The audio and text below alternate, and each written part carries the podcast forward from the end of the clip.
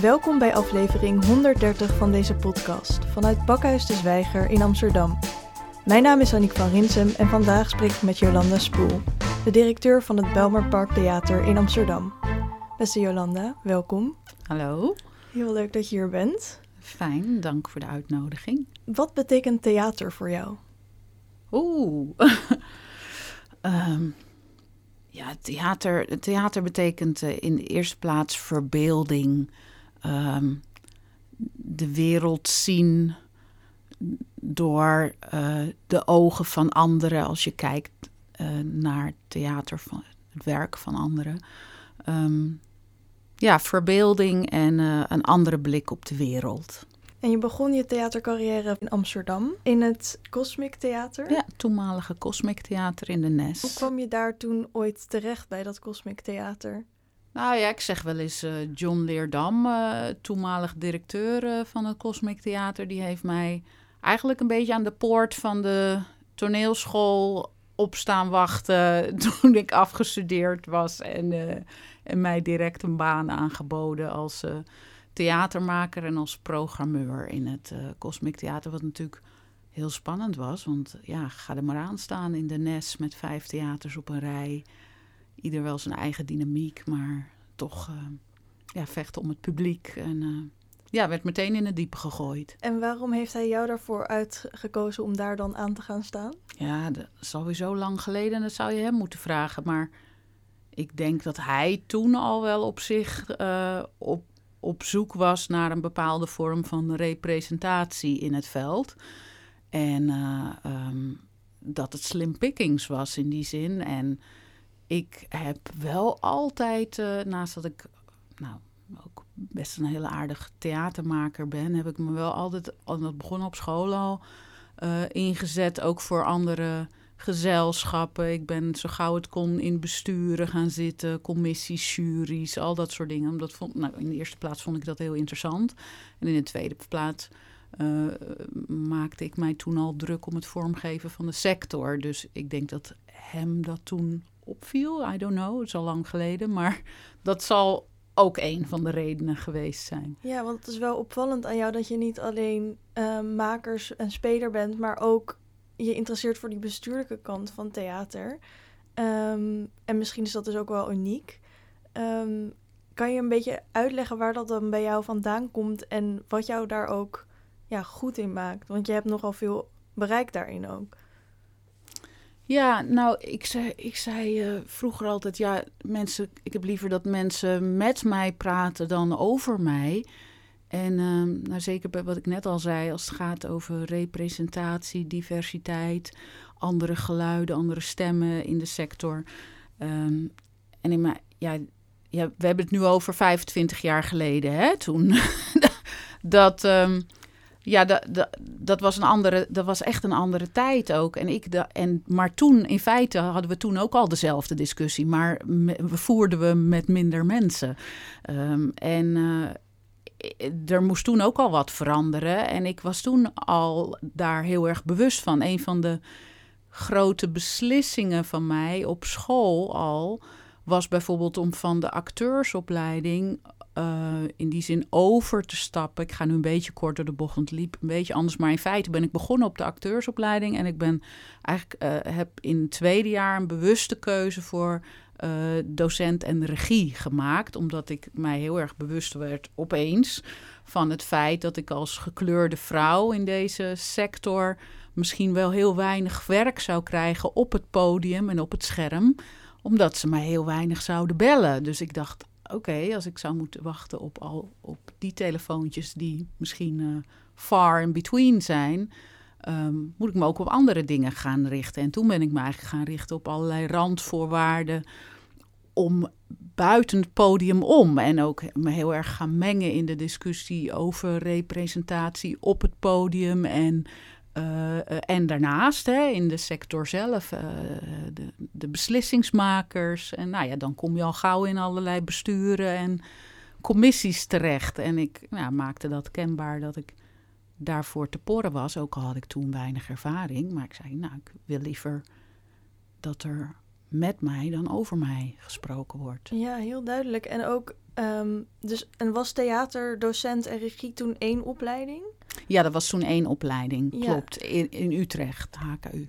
Want het is wel eigenlijk dus een soort keuze van... als ik straks niet gebeld word als eh, speler... dan kan ik tenminste nog geld verdienen met lesgeven. Ja, eigenlijk is het daar. eh, je dwingt me door dit gesprek opeens ook alweer heel erg te graven in mijn geheugen van waar dat eigenlijk door komt. Maar dat komt daardoor dat ik bij, door dat besef mij opeens ben gaan bezighouden met allerlei randvoorwaarden van.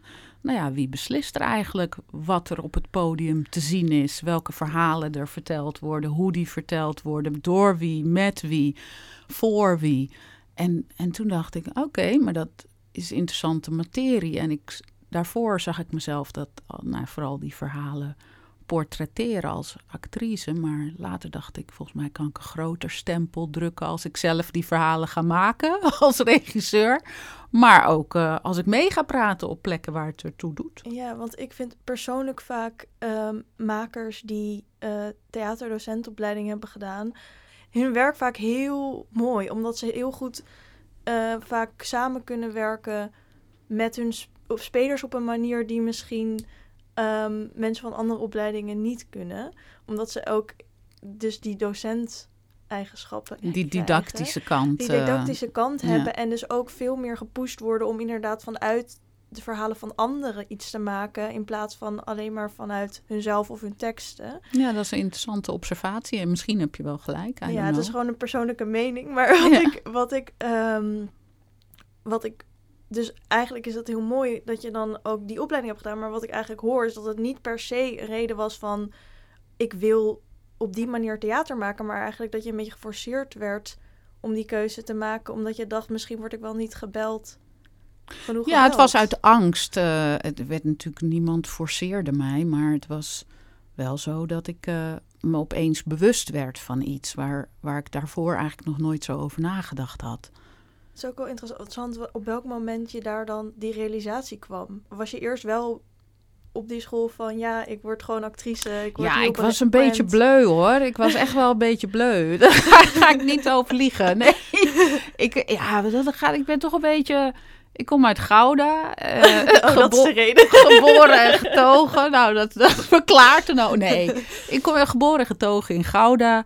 Ehm, ja, ben een paardenmeisje, opgegroeid. Ik, eh, oh, tussen de dieren. Je- Al mijn vrije tijd spendeerde ik op een boerderij. En, ja, dat vond ik allemaal leuk. Dus, en daarnaast wilde ik heel graag acteren. En, en had ik, ja, was dat toch altijd wel een grote droom. En toen het mij lukte om op een toneelschool terecht te komen... Hè, nou, in mijn geval kwam ik toen wel opeens in de grote stad. En nou ja, dan hebben we het dus nu over 29 jaar geleden. ja, dus toen kwam ik opeens in de grote stad. En Het paardenmeisje Jolanda. het kwam paardenmeisje kwam in de grote stad. En, en, en ehm, nou ja, wat toen een verschil was. eh, nou ja, met mijn dromen hè, om op het podium te staan. En, en eh, wat het verschil was tussen de opleidingen toen was dat. Eh, de toneelscholen, hè, vier, vier vakopleidingen. Nou, en Maastricht en Utrecht, die namen altijd meer mensen aan dan dat er overbleef aan het eind van het eerste jaar. Die namen eigenlijk een grotere pool aan, 40, 50 mensen. En dan hielden ze er uiteindelijk 10 over. Want die eh, stuurden ze dan weg als ze niet goed Ja, dan deed je een vak, had je in feite een jaar om jezelf te bewijzen. Deed je een vakfase toets om welke studierichting je wil, op wilde. Dus, nou, eh, en, en dan kom je toch eh, in feite, ja, eh, kwa- kwam ik in een jaar terecht waar ja, iedereen het beste beentje voorzet en, en er aan het eind van de rit nog bij wil zijn, zullen we maar zeggen. En, Mhm. eh, dus ik, ehm, ja, ik was, ik was een beetje bleu en een beetje.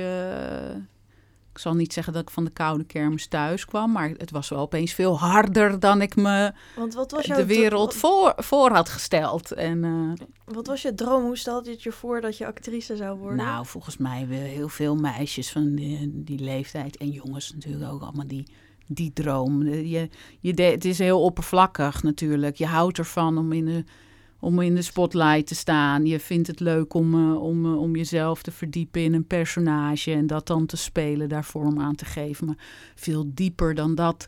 En een soort besef over een soort basistalent wat je dan hebt. eh, ja, veel verder dan dat gaat het natuurlijk helemaal Had niet. je wel specifieke stukken die je graag wilde spelen of, of films of weet ik veel? Nee, ik zat daarvoor op een, ehm, op een, eh, bij een jongere theatergroep. Of een soort waar we ook camera-acteren deden in Utrecht. Stichting Servelaat heette dat. Dus eh, was het deels camera-acteren, deels eh, spelen. Ehm, nee, ik geloof niet dat ik een enorme voorkeur had voor bepaalde stukken of schrijvers. Kan, of, of ik kan me nu niet meer herinneren. Dat kan natuurlijk ook. Dus het maakte je niet per se heel veel uit wat als je maar je in dat karakter kon verdiepen. En Ja, en ik denk dat het ook. Ik, ik denk dat het ook iets met het groepsproces te maken heeft. Mensen die bij in het theater gaan, hebben toch ook vaak de liefde voor.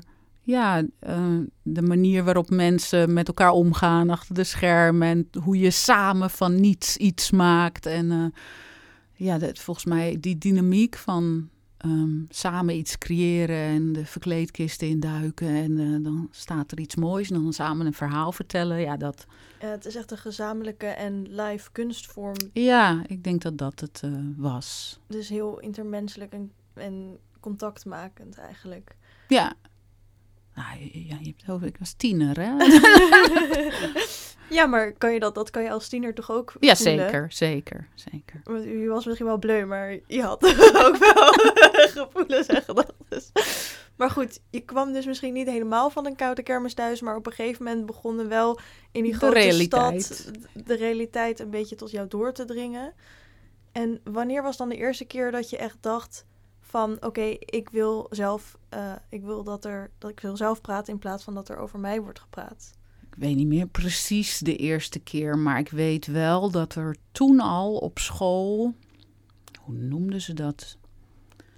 Er waren van die beetje interventieachtige uren die ingesteld waren voor speciaal voor eh, mensen eh, van kleur.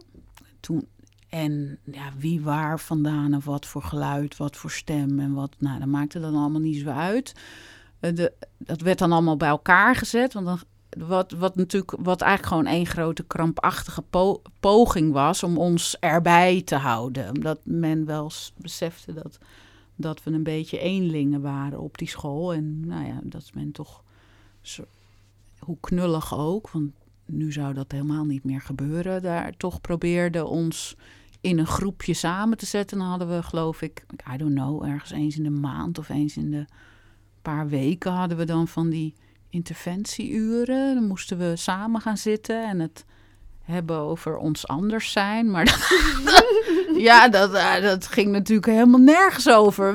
Dat- ja, het zijn zulke verschillende... Dat ging echt nergens over.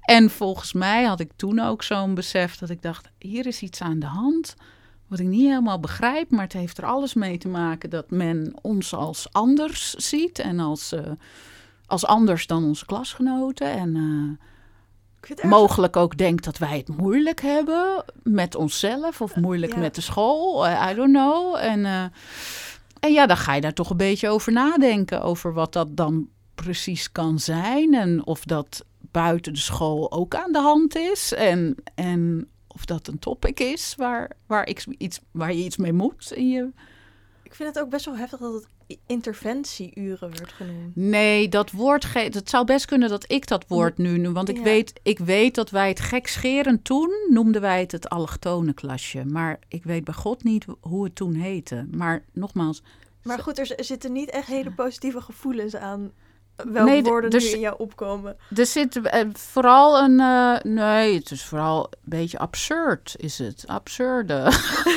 we hadden. Ik geloof dat wij met elkaar. Dan zaten we daar met z'n vijf of met z'n zessen. Hadden we een soort. Hadden we nog best wel eens lol met elkaar. Omdat we het allemaal toen al een beetje absurd vonden. Ja.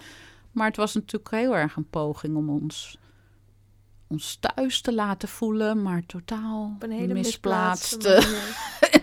ja, want je, wat je zei ook, er kwamen daardoor eigenlijk pas bepaalde vragen in je op. Ja, Ook van, oh, is het dan buiten deze school misschien ook wel zo dat mensen op deze manier...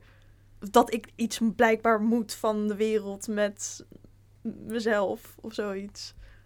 Ja, nou ja, je wordt dan gewoon met je neus op de feiten gedrukt. Dat, daarvoor kan je heel romantisch denken aan... Ik ga, ik ga toneel spelen. Ik ga actrice worden. En, en daarna dan opeens denken... Ja, maar waar dan? Bij wie dan? En uh, welke verhalen? Wanneer gaat mij de, men mij dan casten? En hoezo kunnen mijn uh, klasgenoten, actrices... Uh, voor tien rollen in een serie gebeld worden en ik misschien maar voor één als die persoon toevallig een kleur heeft. Ja. Maar hè, we zijn, wat dat gaat, we zijn er nu nog lang niet, maar er is wel veel veranderd in die tijd. Ja, en jij hebt daar dus ook aan meegewerkt, omdat je dus bent gaan meepraten, zoals je het zelf noemt.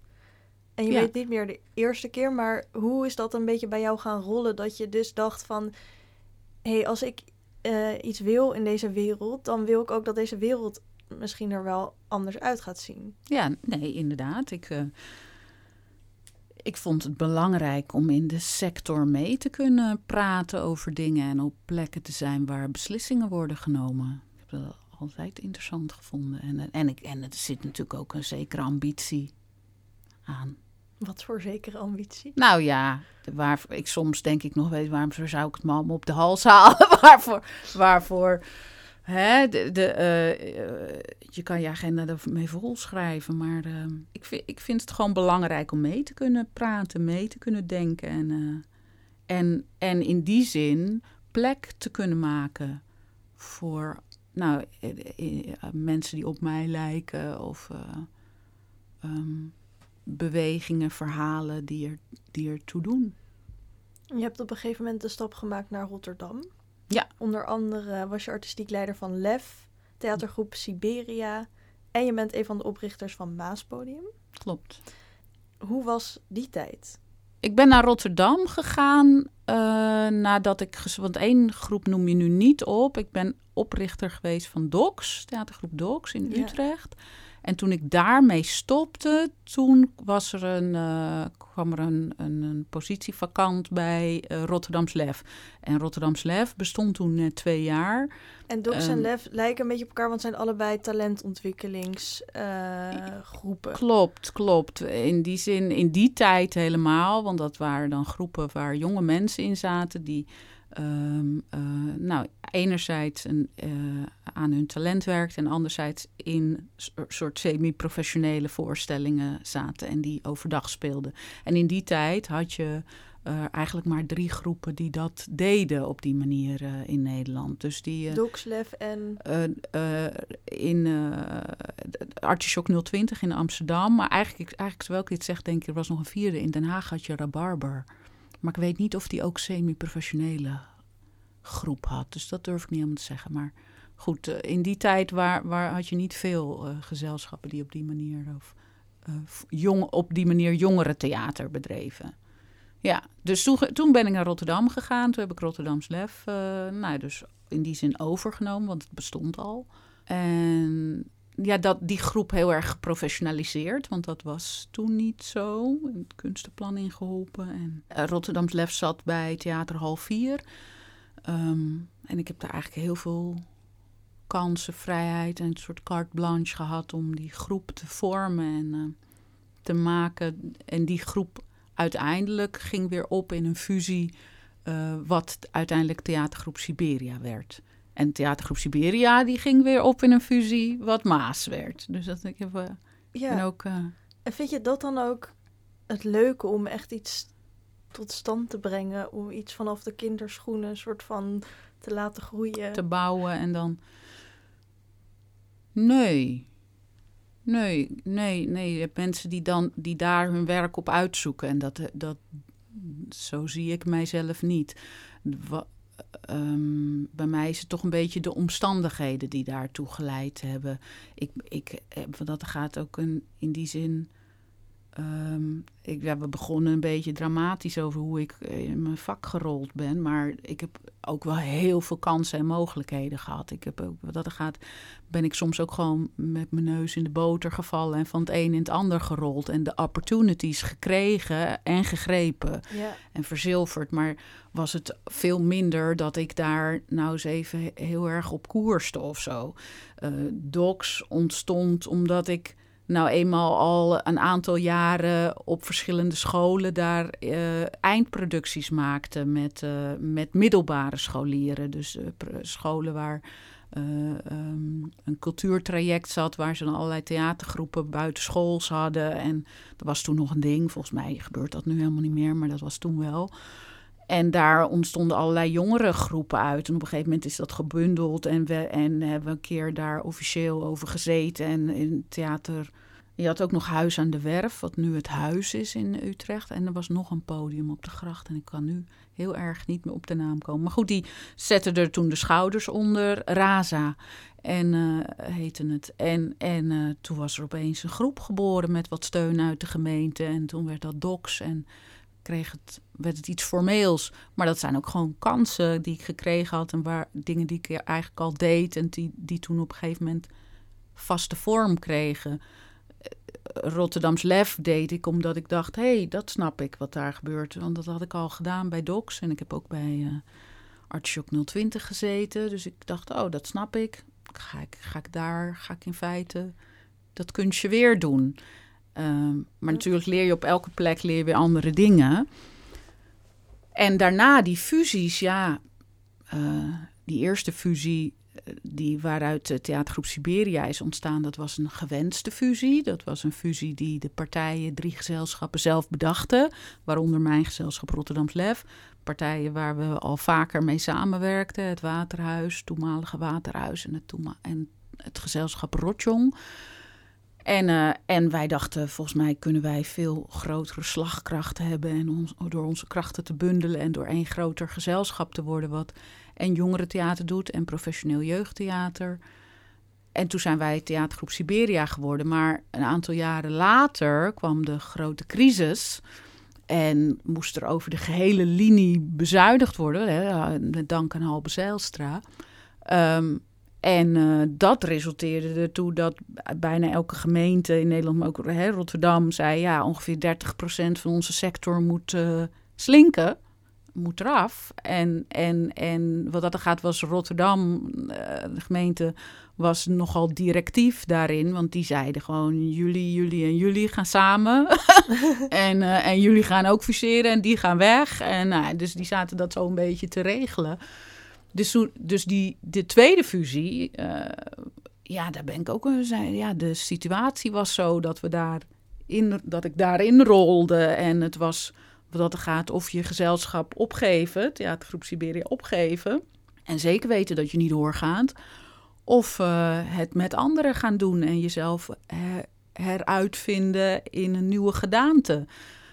Dus dat zijn soms. Dus hè, jouw vraag van. Uh, ga je dan steeds aan dingen beginnen omdat je het leuk vindt om aan dingen te bouwen? Nee, ik, ik rol steeds in dingen. en dan deal ik ermee. het is een beetje zo. De, ben ik bang. Maar wat, wat ik wel leuk vind, waar ik wel van bouwen hou. En dat heb ik mijn hele carrière al gehad. En dat zie je ook echt. Daaraan zie je dat ik uit het jongerentheater kom. Is dat ik het superleuk vind om aan talentontwikkeling te doen. Dus als het gaat over mensen en ideeën en jonge mensen en, uh, en hun uh, talenten met betrekking tot de podiumkunsten, vind ik het wel leuk om aan het begin er te zijn en iets op te starten en uh, het talent aan te wakkeren en ja. mensen te positioneren. En ja. wat, wat vind je daar zo mooi aan? Want je ogen gaan echt gewoon fonkelen als je daarover praat. Mm. Gewoon de impact die je op iemands leven kan he hebben, of, of op iemands zijn droom. Hè? Um, ik zei net al, er zijn een hoop mensen die mij kansen hebben gegeven. En, um, en die heb ik gepakt. En, en ik wil op mijn beurt andere mensen weer een kans geven. En, en um, als ik daarbij een deel van mijn kennis en kunde kan overdragen. Uh, um, die zij weer kunnen verzilveren of inzetten voor dat waar zij mee bezig zijn, dan kan ik daar persoonlijk heel gelukkig van worden. En als het lukt ik, ik heb in het verleden bijvoorbeeld heel veel ehm, trainingen gegeven voor mensen die naar de kunstvakopleidingen wilden. Nou, dan kon ik heel ongeveer net zo blij zijn als, als de auditant als iemand aangenomen werd op een toneelschool.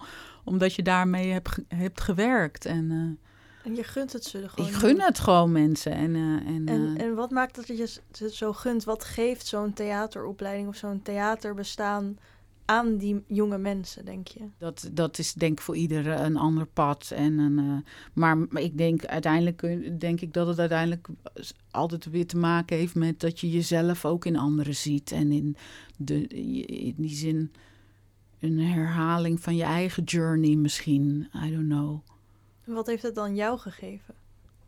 Nou ja, dat ik uiteindelijk toch het vak ben gaan doen wat ik het liefste wilde. Ook, ook, al, ook al dacht ik daar misschien best wel nauw over in het begin. En dacht ik ook, ga alleen maar actrice worden. Uiteindelijk heb ik ook heel veel gespeeld. Hè? Maar heb ik er daarnaast nog veel meer dingen bij gedaan. Net hè, het doseren, het regisseren, choreograferen. gezelschappen opgezet, geleid you name it. Dus wat dat gaat, is, die, is het alleen maar groter geworden en rijker geworden. En ben ik precies uitgekomen waar ik blijkbaar moest zijn. En hoe voelt dat dan?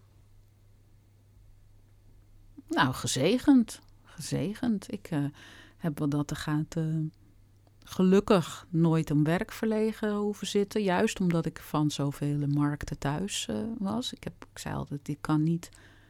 Misschien kan ik ben ik niet een specialist in dingen. Ik kan heel veel, ik kan heel veel dingen aardig. en, daar, en, daar, en dat heeft mij veel gebracht in mijn, in mijn, eh, in mijn vak. en er zijn natuurlijk een aantal dingen waar ik me wel in ben gaan specialiseren. En waar, je, waar, waar de, nou, de lange adem zit. En, um, Zoals? Nou ja, op een gegeven moment, hè, ik zei net, ik, ben, ik heb ook ik heb ook regelmatig gespeeld bij verschillende uh, clubs. En spelen vind ik heel erg leuk. Maar als ik diep in mijn hart kijk, word ik gelukkiger van regisseren. Heb, van spelen kan ik heel veel stress hebben. Denk, waarom wil ik dat? Denk ik altijd. en dan, terwijl ik het best aardig kan, kon. Hè? Dus, um, kan. Maar, maar nou, in die uh, over de lange adem, dat je op een gegeven moment toch bewust besluit: ik ga minder spelen, want ik ga mijn focus nu vooral leggen op het maken. En wat is dan, wat maakt het maken diep in je hart misschien stiekem nog leuker dan het spelen, los van die stress die je nou, bij mij was het wel die stress hoor. ja, nee, want ik het... vind spelen leuk, vind maken ook leuk. Maar ik, had, ik kon van spelen meer stress hebben. En dat zal te maken hebben met het feit dat ik best wel perfectionistisch kan zijn. Ben. Dat heb je dan toch ook als je iets, als je iets maakt? Ja, maar um, hoe zeg je dat? Dan.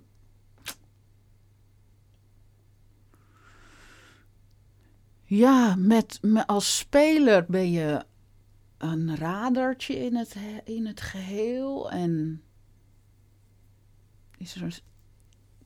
Ik zit nu hard op te denken, maar is er, ja, is er een set van afspraken die je met elkaar hebt gemaakt over hoe een voorstelling gaat. En dan speel je dat elke avond. En als ik maak, als ik regisseer, ja, dan is het helemaal mijn eigen idee. En dan weet ik anderen warm, ook warm te krijgen voor dat idee. En dan nou, maak je dat ding met met z'n allen. En daar geef ik dan sturing aan. Ik, kon ik had daar gewoon minder. Uh, er was ook iets heel geks, maar misschien wijk nou af. Wat ik bijvoorbeeld in het spelen wel altijd leuk vond, want dat was een hele rare contradictie bij mezelf. Uh, mij kon iedereen altijd bellen voor uh, spoedklussen. Als er ergens een actrice uitviel en er was een rol die ik kon spelen en dan had ik een dag om tekst te leren of zo, dan deed ik dat. En dan hup, kon ik invallen. Uh, zomaar de vloer op, in, improvisatie, uh, achtig theater. Ehm, met weinig middelen, hup en gaan, kon je mij altijd voorbellen. Want dat vond ik dan niet eng. al die invalklussen waar ik iemand verving op het laatste moment, zei ik altijd: Nou, laat iemand mij even zeggen of ik links of rechts of een beetje dirigeren, dat ik weet waar ik ongeveer op en af moet. Voor de rest komt goed, jongens. Dan had ik er nul stress, omdat ik dacht, ja, niemand kan mij nergens op pakken. Ik doe jullie een plezier. Ik, ik spring in het diepe. Ik leer die tekst. Ik kon heel goed tekst leren, heel snel. En ehm, ik, uh, het is al lang, als we, het, als we het einde halen, is het al lang goed. Ik zeg nu gechargeerd natuurlijk, maar, maar dan Terwijl als je ergens zes, acht weken aan repeteert, ja, dan gaan er andere dingen meespelen. En dan moet het precies, precies. En daar kon ik me heel erg druk over maken. En heel erg Pietje precies op mezelf worden. En dan niet tegen foutjes kunnen. Versprekingen, dit of dat. Of een scène die niet in het moment was. Of tegenspel wat niet klopte. Want dan heb je afspraken. Heb je afspraken. En als ik ergens head first indook dan heb je dat niet. En dan kon ik de sterren van de hemel spelen met nul voorbereiding. En dan had ik nul stress. Ik kan het daar erg. Ik kan het, het klinkt heel gek, maar ik kan het wel goed voorstellen. Het is inderdaad een soort van. Ik denk dat het inderdaad erg gelinkt is aan perfectionisme. Ja, maar bij heel veel mensen is het dus andersom. Die hebben heel veel stress van dat soort dingen, van die uh, ad hoc. Uh, die, en dan had ik het dan weer niet. Maar ja. ja. Misschien ook omdat je het al eerder had over de soort van absur het absurdisme van die. Um, we weten niet hoe het heet, maar de interventieuurtjes, dat je misschien ook soort van de absurd, het absurdisme een beetje kan aangrijpen van die soort van ad hoc dingen, zeg maar. Het is, het is zo. Het maakt toch niet uit. Of zeg maar, ja, het maakt wel uit, maar het is veel chaotischer. Dus een andere standaard, ja. Waardoor, ja, waardoor het vrijer wordt ja. of zo. Ja, ja, dat voelt, zo voelde ik dat. Ja. ja. Je zei net ook dat je nooit om werk verlegen uh, hebt gezeten. En ik heb zelfs gehoord dat je soms wel zes keer per maand gebeld wordt uh, om of je hier en daar een functie uh, wil bekleden. Ja, klopt. Ja, voor allerlei commissies, raden, uh, raden van toezicht, juries, besturen, al dat soort klussen. Ja, wat dat gaat is onze sector soms ook wel klein en een beetje incestieus hoor. Ja, nee. En als het gaat over Nee, ik, uh, ik snap heel goed dat ik een aantal boxjes aantik als het gaat over uh, relatief. Ik, zeg, ik ga mezelf niet meer jong noemen, maar relatief jong. En vrouw en van kleur. En nou ja, in deze sector is er nog steeds een gebrek wat dat er gaat. Dus ja, ik krijg veel telefoontjes, zeg vaak nee. Omdat ik al aan mijn tax zit, aan mijn absolute tax. Want ik doe heel veel. Ja. Maar ja, dan komt het toch, als ik, als ik heel eerlijk naar mezelf ben, dan kom, nou, zit je toch wel twee maanden per jaar, doe je een soort vrijwilligerswerk voor alles. Ja, en waarom ga je, blijf je dat wel aangaan? Dat je toch de hele tijd aan je tax blijft zitten, ondanks dat je vaak ook nee moet zeggen? Omdat, omdat ik niet van half werk hou. Als ik in een bestuur of een commissie of een raad van toezicht of een jury, dan maak ik het af. Dan zit ik er als er iets voor twee termijnen is, zit ik er twee termijnen. Nee, maar zo ben, dan ben ik gewoon perfectionistisch. Ik doe nooit dingen half. Dus ik, eh, ik zeg altijd, ik mag zeven à acht dingen doen van mezelf naast mijn hoofdfunctie. Dat vind ik echt veel dingen. Nou, dat is dus veel. dus dus uh, daarom, ja. Maar dat is dus omdat je... Ja, waarom is dat? Nou... Uh, omdat ik dit, nou, we zeiden al, dus ik vind het belangrijk om mee te kunnen denken, meepraten, maar ook om, um, om uh, kennis over te dragen, kennis te delen met andere mensen. En natuurlijk raak ik zelf ook geïnspireerd door dit soort, dit is niet alleen maar zenden, ik haal er zelf ook zeker wat uit. Ik vind het een leuke combinatie van dingen groot en klein. Zitten, je dus heel het zijn nieuwsgierig en leergierig. Ja, ik heb haalde natuurlijk zelf ook echt wel wat uit. Maar goed, dat is dus allemaal. Nou, en dan moet je af en toe nee zeggen tegen mensen. En niet omdat je het allemaal niet leuk vindt of niet belangrijk. Maar weet je wat ik ook wat ik dan. Ik vind het niet erg dat mensen me vragen ervoor. Want uh, als ik nee zeg, dan gebruik ik dat moment ook meteen om weer mijn lijst voor te toveren. Om te zeggen: kijk eens wie er nog meer is. Oh ja. Ja, als ik iets van John Leerdam heb geleerd, want die deed dat vroeger al. Die had letterlijk een lijst met wel 50 plus namen in zijn bureau. Ik zie hem nog die lijst trekken. Altijd als mensen zeiden, ja, ze zijn er niet. Ik kan ze niet vinden. Dan kwam hij, deed hij zijn la open en dan trok hij daar een lijst uit. Dus eigenlijk ook heel theatraal was dat toen. er stonden ook echt mensen op, dat wel. En, uh, maar in feite doe ik nu hetzelfde. Dus ik vind het helemaal niet erg dat mensen mij benaderen. Want dat geeft mij weer een kans om andere mensen te pluggen. Ja, heel mooi. Ja. Maar goed, je doet dus uh, al die dingen naast het zijn van directeur van het Belmer Park Theater. En je bent aangetreden in een coronapandemie, in een spannende tijd, in een spannend theater waar heel veel dingen op poten staan. Hoe was het om in zo'n pandemie zo'n functie aan te gaan? Ja, het was natuurlijk het tweede jaar van de corona. Dus uh, um, uh, ik ben in december 2020 uh, aangetreden. En ik weet het nog goed, ik kwam op een dinsdag. En op een vrijdag van diezelfde week ging de tent dicht. of moesten we sluiten. Dus, maar dat was toen net voor de kerst. Dus toen dachten we, oh, over anderhalve week is kerst. En dan in het nieuwe jaar, januari, nieuwe ronde, nieuwe kansen. En niemand had kunnen bedenken dat we in januari uh, naar een hele strenge lockdown gingen. Waarbij echt alles dicht was. Winkels, you name it, alles dicht. Dus, en dat die lockdown, in ieder geval voor de podiumkunsten, voor de theaters, tot juni zou duren. Nou, dat, dat kon niemand weten en ik ook niet. Um, dus dat besef dat je die, hè, toen ik net begonnen was, hoe je dan kennis maakt met je bedrijf, hoe je kennis maakt met je, met je personeel. Um, dat is dan, gaat dan opeens heel anders dan dat je verwacht dat het zou gaan. En dat laat eigenlijk heel lang op zich duren. Want uh, nou ja, je leeft toch een beetje van persconferentie naar persconferentie dan. En uh, nou, in januari denk je, oh goed, ik heb nog steeds niet iedereen bij elkaar gezien en gesproken. Oh, en dan is het alweer februari en dan nou, ik nog steeds niet. Nou ja, je moet op een gegeven moment toch manieren gaan zoeken om een beetje zicht op je team te krijgen. Um, nou, who's who, what's what. Maar, maar ook, ik zei het al, als een tweede jaar van de corona. Dus de rek is er ook een beetje uit bij iedereen. Ja. Want je, je, je hebt het al een jaar moeten overleven. En uh, je hebt al een jaar van annuleringen, verplaatsingen uh, tent sluiten. Dus eh, de, ja, en zien dan nog maar eens het plezier bij het personeel erin te houden. te zorgen dat lijntjes kort blijven, dat mensen het wel samen blijven doen. Want als je niet uitkijkt met dat thuiswerken, als je niet uitkijkt, heb je alleen nog maar contact met je, je eigen teampje. Je, ja. je kleine afdelingje of zo. Terwijl, ja, we zeiden het in het begin al, theater maken is toch een beetje een groepsding, hè? Ja. Allerlei afdelingen, van techniek tot productie, tot artistiek, tot de kaartverkoop, you name it. Het speelt allemaal een rol. En je doet het uiteindelijk allemaal samen, maar als je elkaar nooit ziet, dan... Uh, nou. Verwatert het een beetje. Ja, dus nou, en voor je dat je daar dan grip op krijgt, dan uh, ben je opeens een half jaar verder. Gelukkig lijkt het erop dat er weer iets meer kan. Vanavond, hè? Ja. We gaan het meemaken. We gaan het meemaken. Welke plannen staan er in de stijgers voor het Belmenpark Theater? Oh, zoveel.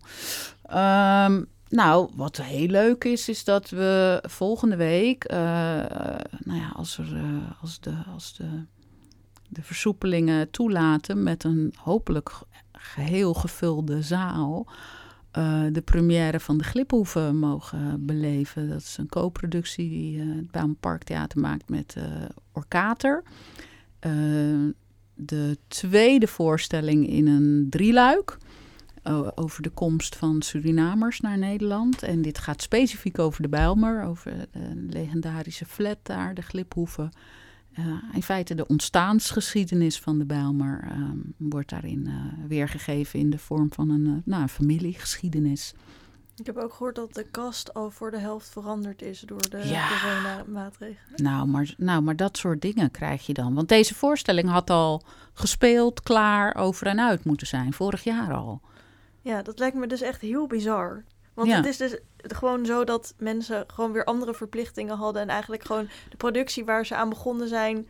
Want die had al lang klaar. Juist, de, exact, gemist hebben. Daar zeg je precies hoe, zoals het is. Ja, dit had al lang klaar moeten zijn. Acteurs, uh, artistiek team, mensen maken natuurlijk gewoon afspraken per seizoen. Dus soms niet alleen dingen verschuiven, maar ook dingen stonden al in je agenda. Die, die ging je al doen. Dus op het moment dat uh, een hele tournee niet doorgaat, dat je nooit in première gaat met een stuk, ja, dan kan besloten worden in dit geval dat we het stuk in de ijskast leggen en zeggen: ja, maar dit is zo mooi, zonde als we daar helemaal niks mee doen. Want dat, ik, ik weet in de sector dat dat ook gebeurt. Er zijn enorm veel voorstellingen gemaakt die uh, nooit de, de planken exact zullen gaan zien. Uh, en, de, en dit is er eentje die had ook al gespeeld moeten worden, maar die uh, gaat nu alsnog eerst twee weken bij ons te zien zijn, nu exclusief. En in het najaar, dus in volgend seizoen, krijgt hij alsnog de tournee um, zoals die gepland was. Ja, heel spannend. Maar inderdaad, dan heb je al wel wisseling van cast. Ja. Ik ben echt heel verdrietig voor die cast.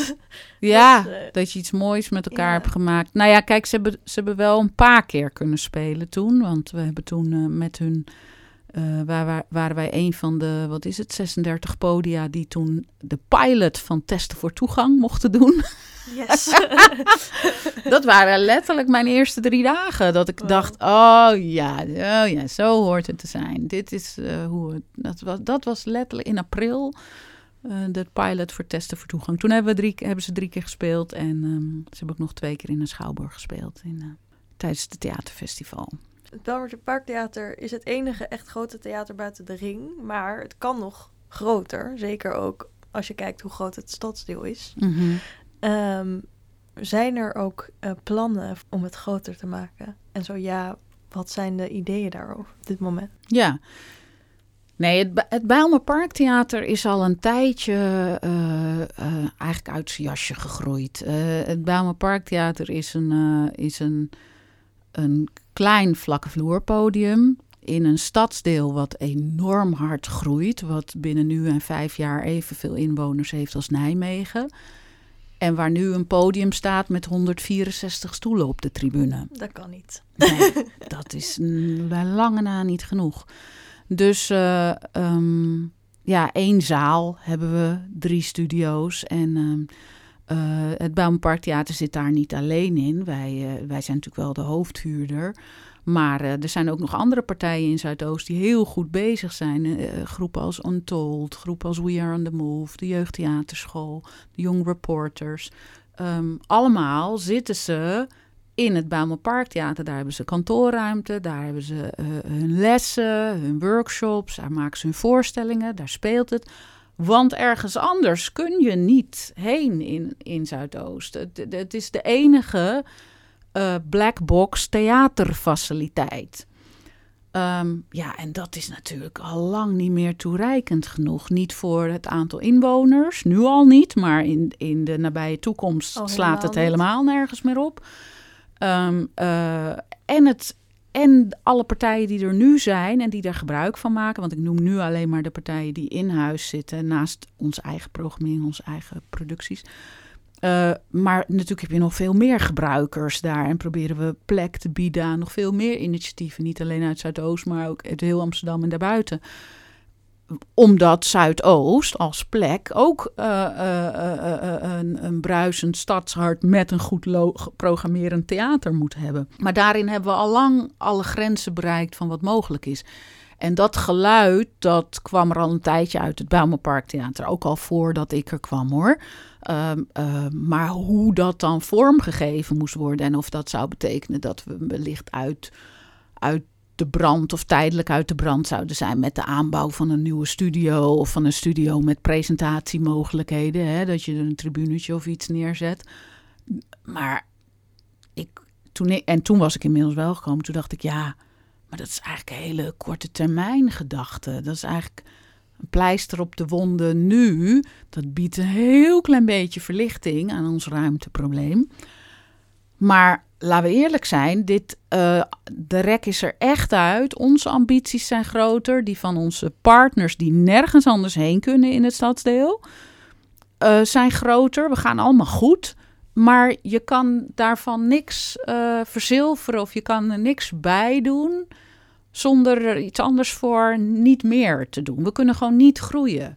En dat zou niet zo moeten zijn. Het, uh, um, want in feite op elk nieuw idee, zowel van onszelf als van de partners, moet je nee zeggen. Omdat je weet niet waar je het laten moet. Dus, uh, dus, dus wij willen in de eerste plaats, want jij vraagt, ja, wat zijn dan je ambities? Ja, wij willen meer van dat wat we al doen, al reeds doen. En dan moet je denken aan, aan een brede programmering, waarin een, zowel beginnend als gevorderd als gevestigd gezelschappen en organisaties een plek krijgen, maar ook buurtinitiatieven. In feite wat we nu doen, maar wat je op kleinere schaal kan doen. We willen een uitbreiding van onze eigen labels, hè, de formatprogrammering die het goed doet. Ook dat heeft alle potentie om te groeien, om vaker te doen. Maar je hebt nu gewoon letterlijk de dagen niet, omdat je maar één zaal hebt waar alles in moet gebeuren. Um, uh, we willen uh, mogelijk ook gewoon andere partijen iets kunnen. Nu zit je de partijen die er zijn, met wie we het gebouw delen, die zijn het. Daar kan niemand anders meer bij. Daar kan geen enkele andere club meer op, op structurele basis uh, iets bij doen. Dus daaraan ben je zo. We, hebben, we ontwikkelen onszelf, de laatste, het laatste kunstenplan, steeds meer als een uh, ook producerende partij. Hè? Dus niet alleen presenteren, maar ook onze eigen producties, co-producties die we maken, nieuwe makerstrajecten. Uh, nou ja, waar moet je ze laten? De, uh, en um, nu, ik vind niet dat ruimtegebrek de reden zou moeten zijn waarom je goede verhalen of goede makers moet afwijzen. Dat zou heel zonde zijn. Ja. ja. Dus een verhuizing. Nou ja, je, je maakt nu een heel kort bochtje. Wij, wij hebben wel even over gedaan om dit. Want A, vinden wij de plek waar we zitten natuurlijk hartstikke leuk en fijn. Daar hebben we heel erg veel in geïnvesteerd.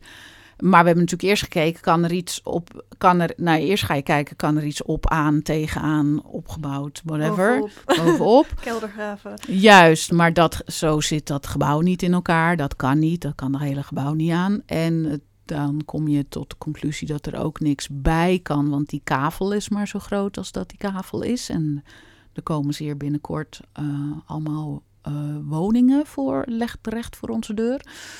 Um, uh, dus ja, dan, dan zit er niet heel veel anders op dan dat als je toch groter wil, dat je dan uh, moet gaan kijken of je dat misschien op een andere plek kunt doen. In Zuidoost uiteraard. Ja, uiteraard. Dus daar uh, zijn we nu naar aan het kijken. Of ja, en natuurlijk, hè, dat is geheel en al uit onze eigen ambities en, en, en idee van groeimogelijkheden. En ja, daarvoor hopen we nu links en rechts de handen op elkaar te krijgen.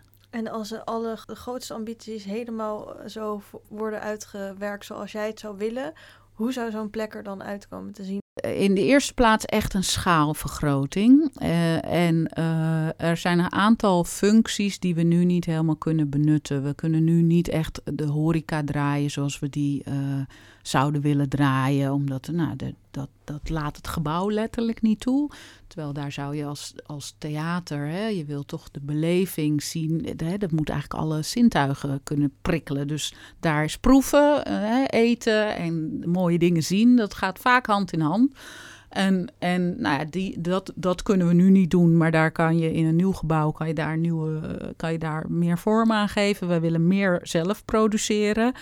Uh, uh, dus uh, daar, de productietak zal uitgebreid worden. Het is wel zo dat, dat want die, als wij het voor het zeggen hebben, dan denk ik wel, als wij erover fantaseren, dan, dan opteren wij wel voor een, een groot vlakke vloer theater en niet voor een Schouwburg-model. En dan zou je misschien zeggen, ja, maar waarom niet meteen hup, Schouwburg en zo. Een Schouwburg in Zuidoost. Los van dat dat misschien ook wel een heel goed idee is. Hè? Maar um, uh, um, denk ik, als wij als Bijlmer Parktheater trouw willen blijven aan... Uh, met name de makers, de aanbieders en de, de, partij, de stakeholders die we nu bedienen. De voorstellingen die wij nu programmeren dan zijn die het best, komen die het beste tot hun recht in een vlakke vloer uh, setting.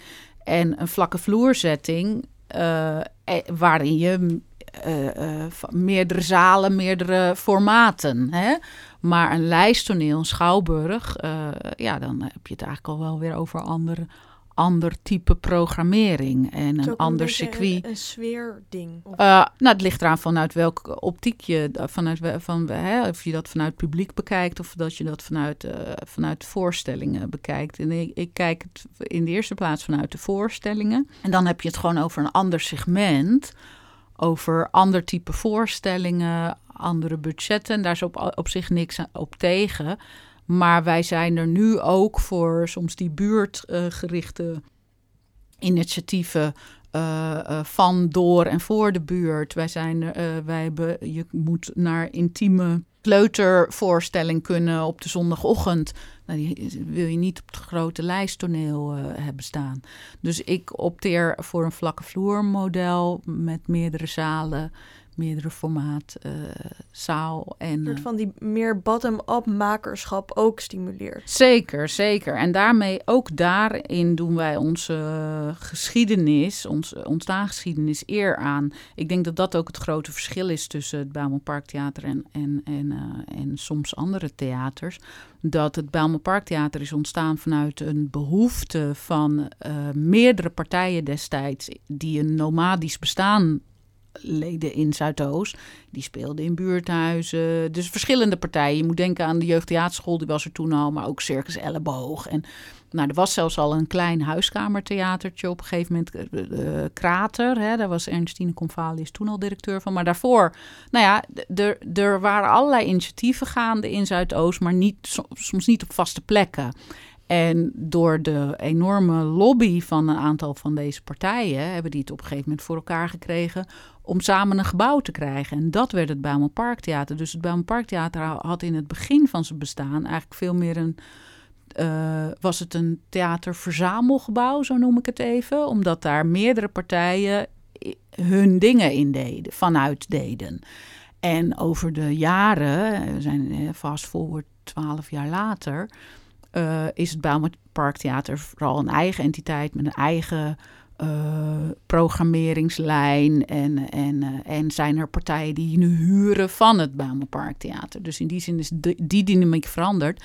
Maar wat, wat het natuurlijk nog steeds heeft, is dat het van, door, voor, met de buurt is. Dat het voortgekomen is vanuit initiatieven uit Zuidoost, voor Zuidoost en door Zuidoost. Eh, Dat in tegenstelling tot soms andere theaters die ergens gebouwd worden. En dan staat er ergens een, een prachtig nieuw theater. Dan komen daar mensen in werken. En die gaan dan eh, naar buiten kijken en denken: hé, hey, wie woont hier allemaal? En eh, hoe kunnen wij ons daartoe verhouden? Wat kunnen we doen om de buurt te, betrekken? En dat is hier andersom. Dus wij doen, wat dat gaat, ja, willen we daar ook trouw aan blijven en hebben we altijd die rol gespeeld. Volgende week ga je weer beginnen met regisseren. Heb je er zin in? Eh, ja, nee, daar heb ik wel zin in. Kijk, Ja, ehm, eh, dat is een productie bij eh, Maas Theater en Dans in Rotterdam. Eh, kijk, eh, de voorstellingen worden vaak al een jaar, anderhalf, twee jaar van tevoren afgesproken. Dus de- deze voorstelling, B-Boy heet die, is een voorstelling die ik voor de corona, toen bestond corona nog helemaal niet, maar eh, twee jaar, ruim twee jaar geleden dus, eh, heb gemaakt. En die toen heel succesvol was. En ehm, waarvan we toen hebben afgesproken, daar, daar komt de reprise van. En eh, nou ja, nu met wat eh, passen en meten en een kortere tournee. Want eh, door eh, de op opeenhoping van allerlei voorstellingen die verzet, verplaatsen. En is nu die tournee wel drastisch ingekort. Maar we gaan hem alsnog maken. Dus ik begin eh, volgende week, ja, de komende twee weken, ga ik even de boel eh, afstoffen. En eh, hopen dat iedereen nog een beetje fitjes is. nou, dat hoop ik ook voor je. ja, Heel veel dank, Jolanda Sproel. graag gedaan. Beste luisteraars, dit was aflevering 130 van de podcastserie van Pakhuis de Zwijger. Wil je meer weten? Kom of kijk dan op woensdag 2 maart om half acht naar de tweede editie van De Groeiende Stad. In Nieuw Metropolis Zuidoost of via dezwijger.nl slash live. Een rating achterlaten of je abonneren op deze podcast kan via Soundcloud, Spotify, Apple Podcast of een ander podcastplatform. Dank voor het luisteren en tot de volgende keer.